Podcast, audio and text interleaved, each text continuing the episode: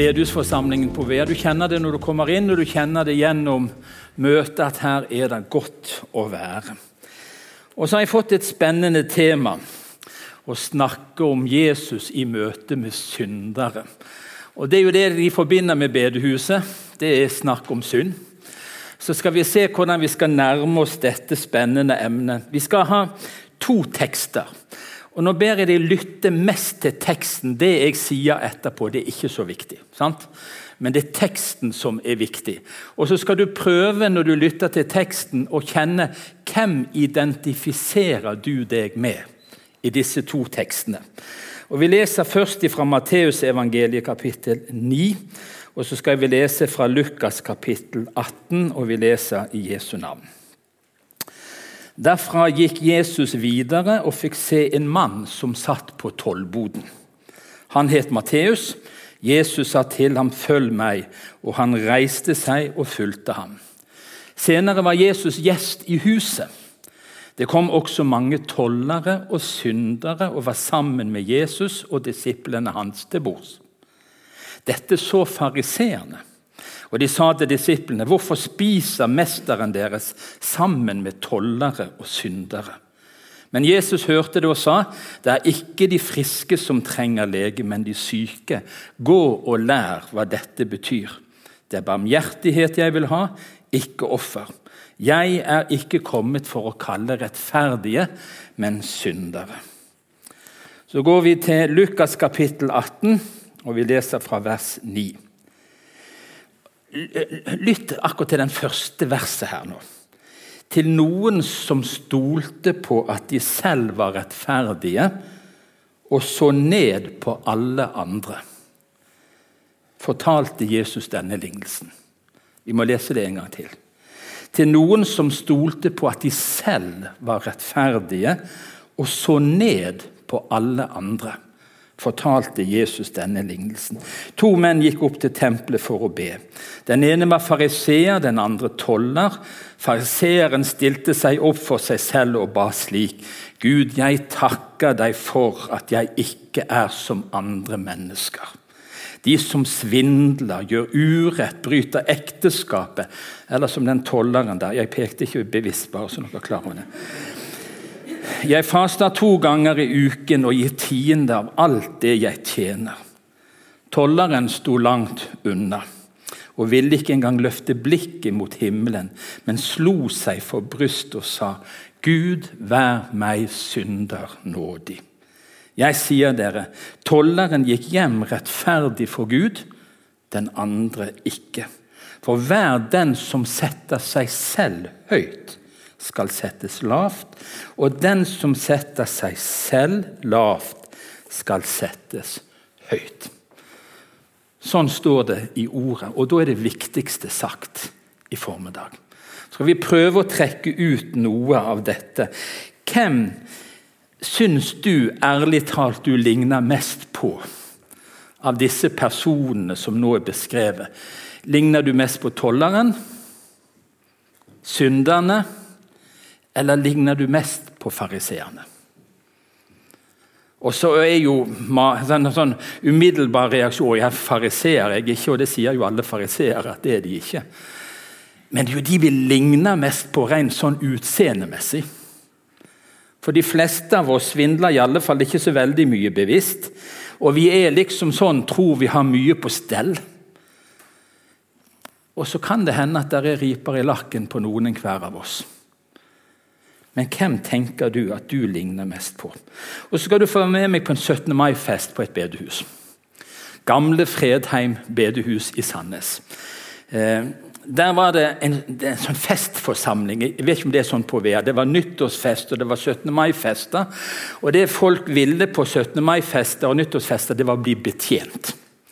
Så Den ene 17. mai-festen så hadde Anne og meg som var barnearbeider da, vi hadde alt ansvaret. Vi rydda til border og vi bestilte mat. Og Litt utpå kveldingen kom folk stivpynta skulle feire 17. mai. Ungene var hjemme, for de kunne jo forstyrre.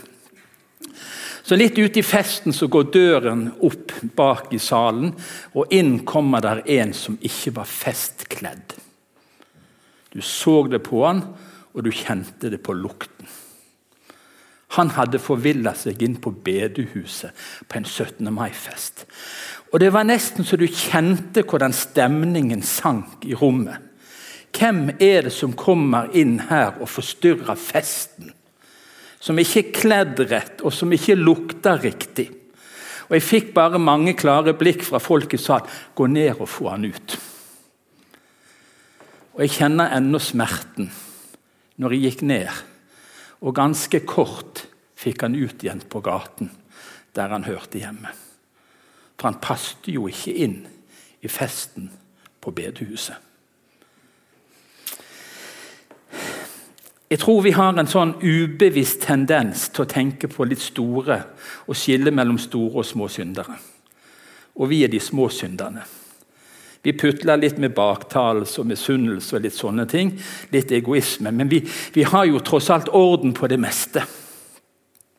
Og så har vi gjennom vår bedustradisjon i beste forstand òg vært gode på å konfrontere mennesker med at vi alle er syndere, og vi trenger Jesus. En av våre mest kjente predikanter, som var generalsekretær i Indremisjonen i 36 år, eller noe sånt, han sto i vekkelse i Kvinesdal kirke. Og Så var han sammen med presten, og så sa han til presten før et kveldsmøte der i kirken at nå skal jeg holde de over helvetes lua så det begynner å svi under beina på dem, sa han. Og så må du komme og ringe med evangeliets bjeller etterpå, sånn at de tar imot Jesus. De skulle få vite at de var syndere først. Og De skulle få vite det så tydelig at de begynte å brenne under beina på dem. For da kunne kanskje evangeliet komme og være litt mer attraktivt og aktuelt. Vi har vært gode til å fortelle at mennesker er syndere. Og så sliter mange av oss, tror jeg, hvis vi skal være helt ærlige, med følgende. En far fortalte fra et møte han var på, et sånn stormøte i misjonen, hvor mange av misjonslederne var samla, at når de ga ordet fritt etter preken, det var jo ofte sånn før, så var det en dame som satt og åkka. 'Å, jeg er så stor en synder', sa hun. 'Å, jeg er så stor en synder'. Og Møtelederen, som var en markert skikkelse i vår organisasjon, han gikk bort til og sa hun, ja det er du, og så er det med en liten tjuv i tillegg. sa han. Og Da ble hun sint. Ikke kom og fortell meg at jeg er noen liten tjuv, sa hun. Da raste hun og ble sint og fornærmet. Men å, hun var så stor en synder. Å, du hendelse for en stor synder. Vi driver i altfor stor grad med syndsmumling. Vi kan godt si det at vi, å, er så store syndere, men hvis noen pirker borti oss, så er du en stor egoist i tillegg. Nei, jeg er ikke noen stor egoist. Eller hvis noen peker på konkrete ting i våre liv, nei, da er ikke vi dårligere enn andre. Men vi har en sånn tendens til at det med synd blir noe vagt. Jo, vi er alle syndere, sier vi. Og Paulus han sier det. Blant dem er jeg den største. Og Det er jo en befrielse å tenke at han som virkelig kunne si det med alvor, at blant synderne var han den største, fordi han hadde forfulgt Guds menighet. Han hadde fengsla dem, vært med å godta tortur, enda til drap, på disse som fulgte Jesus. Og så møtte han evangeliet. Så møtte han Jesus, og så møtte han nåde. Og så møtte han en gang på veien når han skulle fange og fengsle andre som trodde, så møtte han Jesus, og så ble livet snudd opp ned. Det er ikke rart at han tenkte at han var en stor synder. Sier vi at vi ikke har synd, skriver Johannes, da bedrar vi oss sjøl. Og sannheten er ikke i oss. Men dersom vi bekjenner våre synder Og Jeg har lyst sånn innledningsvis å oppfordre oss til å slutte å mumle. Vær konkret. Er du vanskelig å ha med å gjøre, så sier det Gud til Gud og til de du er vanskelig sammen med. for å si det sånn. Gud, du ser jeg er vanskelig å ha i huset. Jeg snakker ikke alltid sant. Jeg er egoistisk. Jeg er ukjærlig. Jeg er ikke sånn som jeg skulle Ikke gå rundt og si 'Å, jeg er så stor en synder'. Å, jeg er så stor en synder. Og Så pirker noen borti deg, og så reagerer du med motstand. Vi er alle syndere. Og dersom vi bekjenner det legger det fram for Gud, så er han trofast og rettferdig. Så han tilgir oss synden og renser oss for all urett. Vi har nettopp feira pinse. Og Noe av Den hellige ånds oppgave, i tillegg til alt det som er spennende eh, med Den hellige ånd, så skal han gå i rette med verden og vise hva som synd er. Den hellige ånd arbeider ennå i våre liv, i mennesker sitt liv, for å vise hva som er synd. Og Jeg pleier å si det når jeg preker til ungdom, der er jo noen unge her også, eh, så pleier jeg å si at synd er egentlig å bomme på målet. Og vet du hvor de synder mest? Ja, Det er på fotballbanen, spør du meg. Jeg blir så fortvila. Når jeg setter meg ned en kveld og ser en kamp og forventer at nå blir det skåringer, og så bommer de på åpent mål, hva sier vi da? Det var synd, sier vi. Og de synder jo hele tiden. Jeg sier De tjener millioner, og de bommer på målet uavbrutt. Så de lever jo i synd, for å si det sånn. De bommer på målet hele tiden. Og så forstår vi at det med synd det handler ikke om den enkelte tingen i seg sjøl, men vi kan gå feil. Vi bommer på målet. Hele hensikten med livet vårt blir forspilt hvis vi vil leve i det elementet.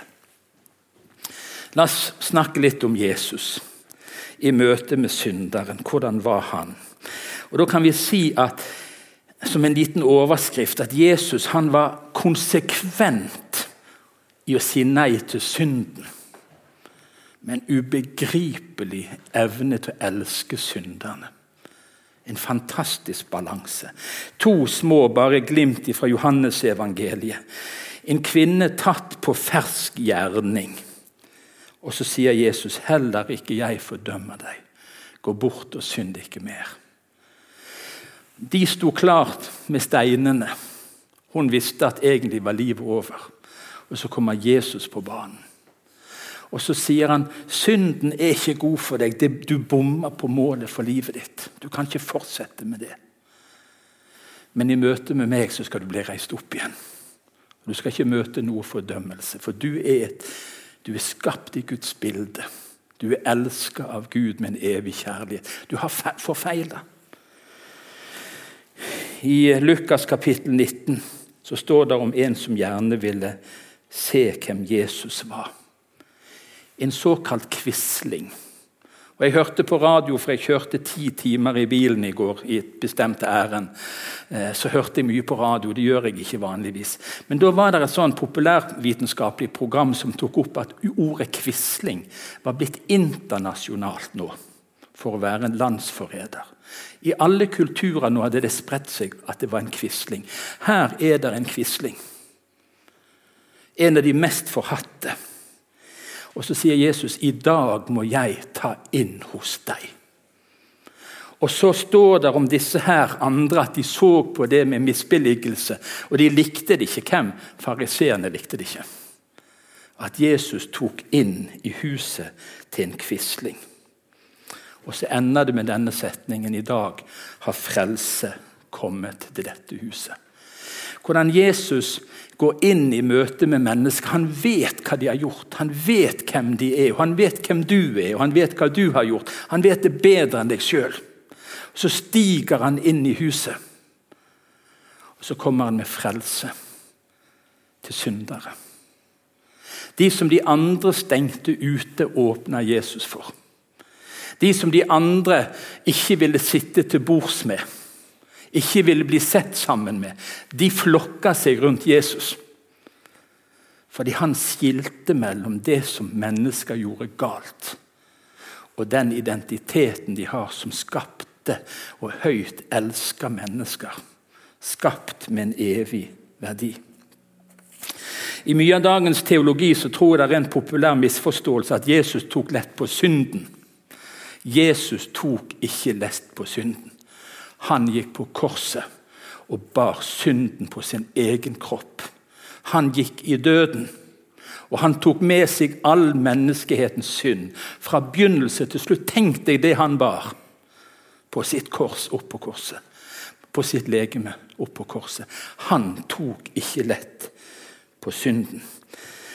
Men Han møtte stadig synderen på en måte som sprengte alle deres grenser og forutsetninger. I Lukas 15, så står det alle tollere og syndere holdt seg nær til Jesus for å høre ham.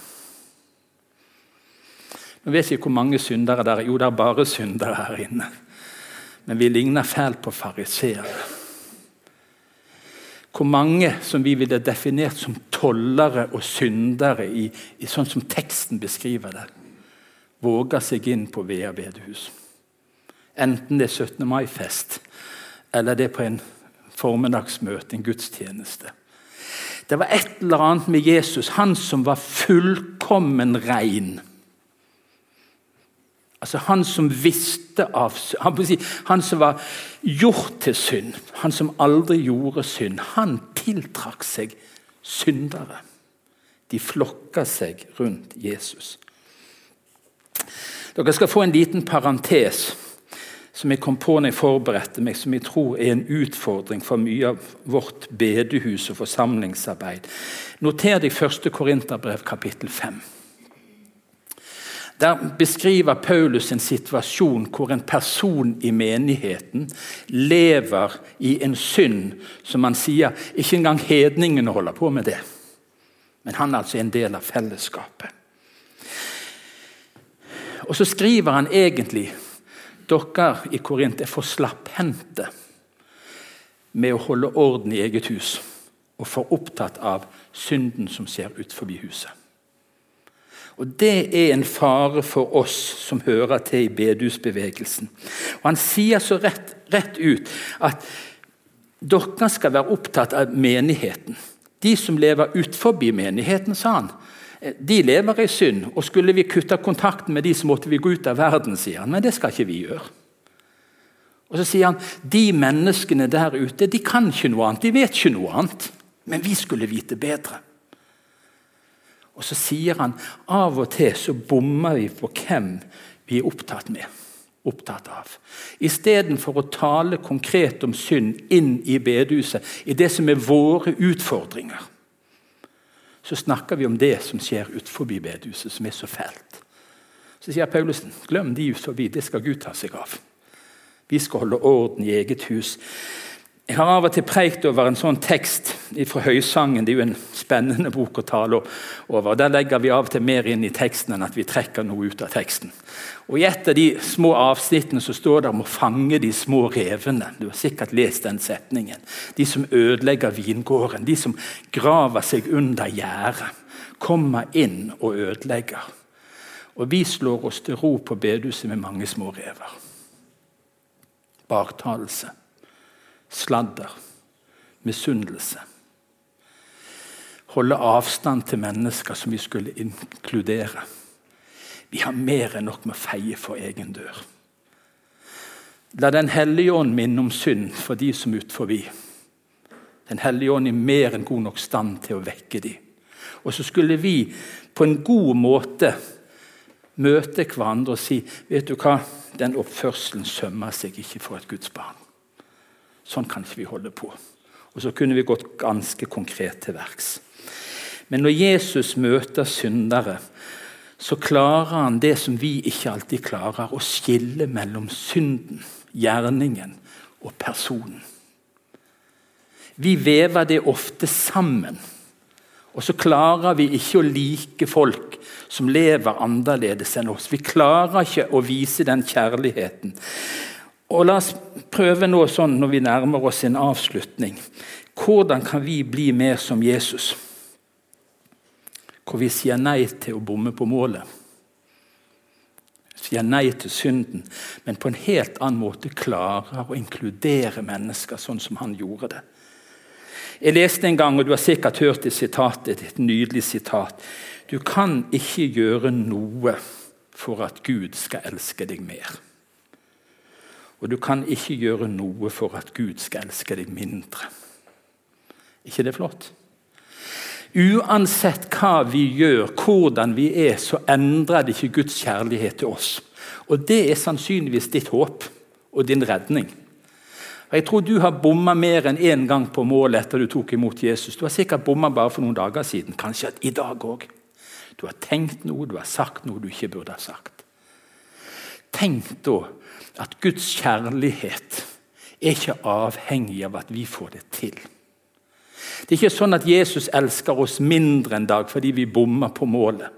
Og Tenk hvor befriende det er for barn å få lov å høre det. Det er en ubetinga kjærlighet. Jeg elsker deg uansett hva du gjør, men jeg må prøve å oppdra deg litt òg. Og Det er ofte det som er litt vanskelig å finne den gode balansen. Men Gud elsker deg uansett hva du gjør. Du er ikke mindre elska om du har bomma én gang eller hundre ganger eller tusen ganger. Og så er det så befriende at vi kan ikke ta oss sammen for at Gud skal elske oss mer. Med all vår godhet og alt det vi prøver på, så elsker han oss ikke mer. Og Nå skal vi adressere bare to grupper, for vi sier ofte 'vi' og 'de'. sant? Vi på bedehuset og de utenfor bedehuset. Legg av alt som tynger, og synden som så lett fanger oss inn, skriver Hebreabrevets forfatter. Skulle vi prøve å gjøre det? Gud, synden den henger seg så lett på. Og Nå skal jeg få lov å legge den av. Du som kom til dette møtet i formiddag, og du som ser på og følger oss på skjerm. Er det noe i ditt liv som tynger deg?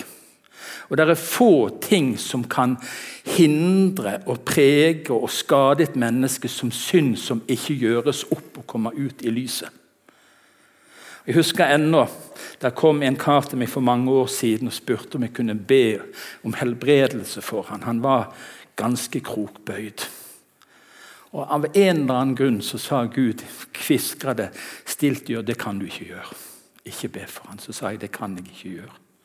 Og så ble han så sint. Han ble så sint. Han smelte i døren han gikk ut. Så kom han tilbake noen dager etterpå og sa han, takk for at ikke du ba for meg. sa han. Men nå vil jeg bekjenne en synd. Så bekjente han en synd.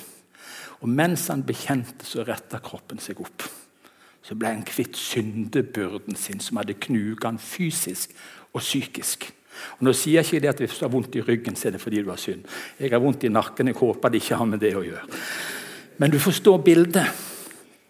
Synden som så lett fanger oss inn, gjør oss innkrøkte i oss sjøl. Og det er et budskap til oss som hører til. Legg det av hos Jesus.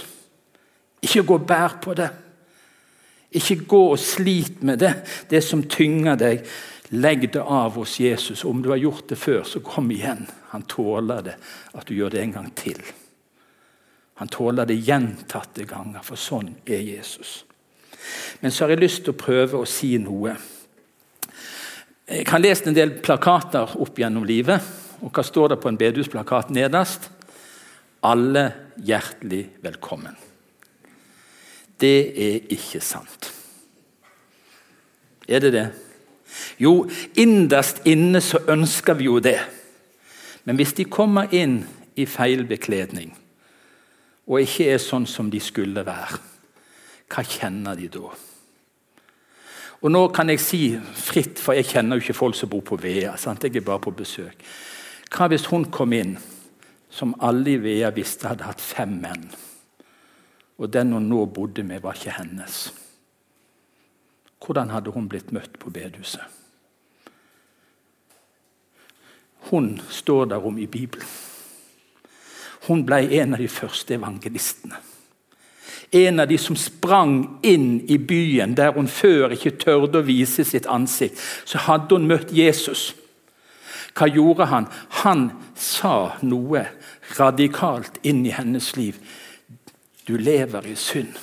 Du har bomma på målet, men her står en som kan gi deg et vann som forandrer hele ditt liv. Så du skal slippe å gå til brønnen igjen for å bli uttørst. Du skal få det. Nåden skal fritt få lov å flyte og strømme i ditt liv. Og så springer hun inn i byen. Og hva er vitnesbyrdet hennes? Kom og se en som har fortalt meg alt jeg har gjort. Akkurat som hun hadde noe å skryte av. Og nå tar deg et lite øyeblikk.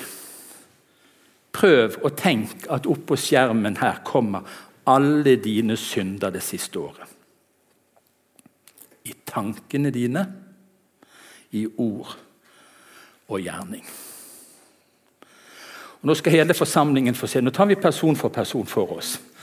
Så Vi begynner her med møteleder og lovsangsleder, og så skal du få se alt. Svart på hvitt. Kom og se. Kom og møt en som har fortalt meg alt jeg har gjort. Det er ikke farlig å bli avslørt av Jesus. For han møter deg med nåde, uansett hva du har gjort. Hva med hun som var tatt på fersken i å drive hor? Og alle visste om det, og folk sto klar til å steine henne. Hva med de som sliter med sin seksualitet? Som ikke vet hva de føler og hva de tenker? Hva ville ha skjedd hvis de kom inn på bedehuset? For du vet hvem de er. Det er ikke et større miljø enn du vet hvem det er. Er alle hjertelig velkommen? Og la meg si alle hjertelig velkommen betyr ikke at alt er hjertelig velkommen. Det er ikke det vi snakker om.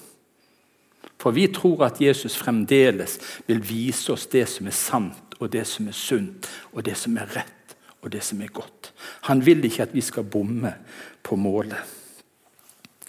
Hva med quislingene? de som svikta. De som fikk alle imot seg i bygden eller i byen i fellesskapet. De som alle stempla fordi de bomma en eller annen gang i et eller annet valg. Og tenk om de kommer inn døren på bedehuset. Kunne vi bli mer sånn som Jesus, som sier fremdeles nei til synden, for den bare ødelegger oss? Uansett hva fasong synden måtte være i, og hva vi måtte slite med, så er synden bare destruktiv og ødeleggende. Så når Jesus elsker synderen, så hjelper han oss til å legge av synden som tynger oss, og som bryter oss ned. Vi synger av og til det, i alle fall når ungene er inne. Alle, alle vil vi ha med. Vil vi ha med til himmelen. Og Det er én ting vi har felles med alle mennesker, enten det er vi eller de, det er at vi er syndere. Er du enig? Eller er det for mange fariseere her inne som tenker at vi er ikke sånn som de andre? Vi er alle syndere. Det er ikke små og store syndere. Det er ikke små og store synder. I Guds rike er uoppgjort synd den eneste nøkkelen til å komme til himmelen. Oppgjort synd, selvsagt, ikke uoppgjort synd. Stryk den setningen.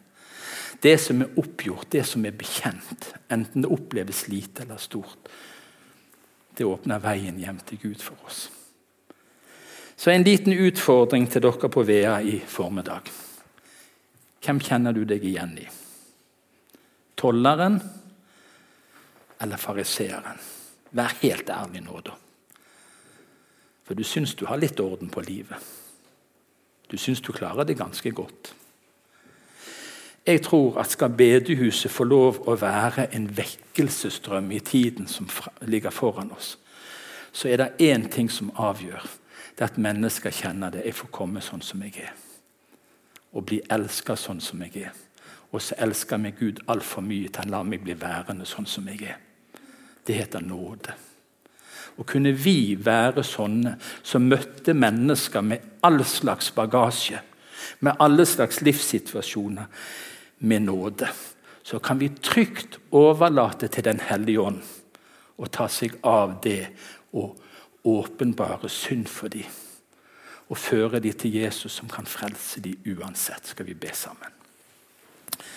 Jesus, takk for at du er den hellige, den rene, den opphøyde.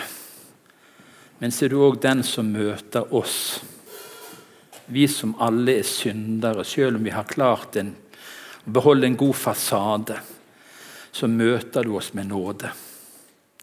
Du møter oss med utstrakte hender. Og Herre, Den søndagen vil jeg spesielt be for de som sliter med synd i sitt eget liv, som de ikke tør å bekjenne for deg som de ikke tør å søke veiledning og hjelp og sjelesorg for, Herre. For de er så fulle av skam.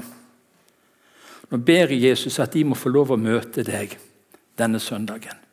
Og kunne våge å legge alt av hos deg. Sette de rette ordene på det. Ikke drive og mumle hvor store syndere de er, men si det akkurat sånn som det er. Sånn at du kan ta av syndebyrden og rette opp ryggen åndelig talt. Så de kan se opp til deg og stråle av glede. Og ansiktet skal slippe å rødme av skam.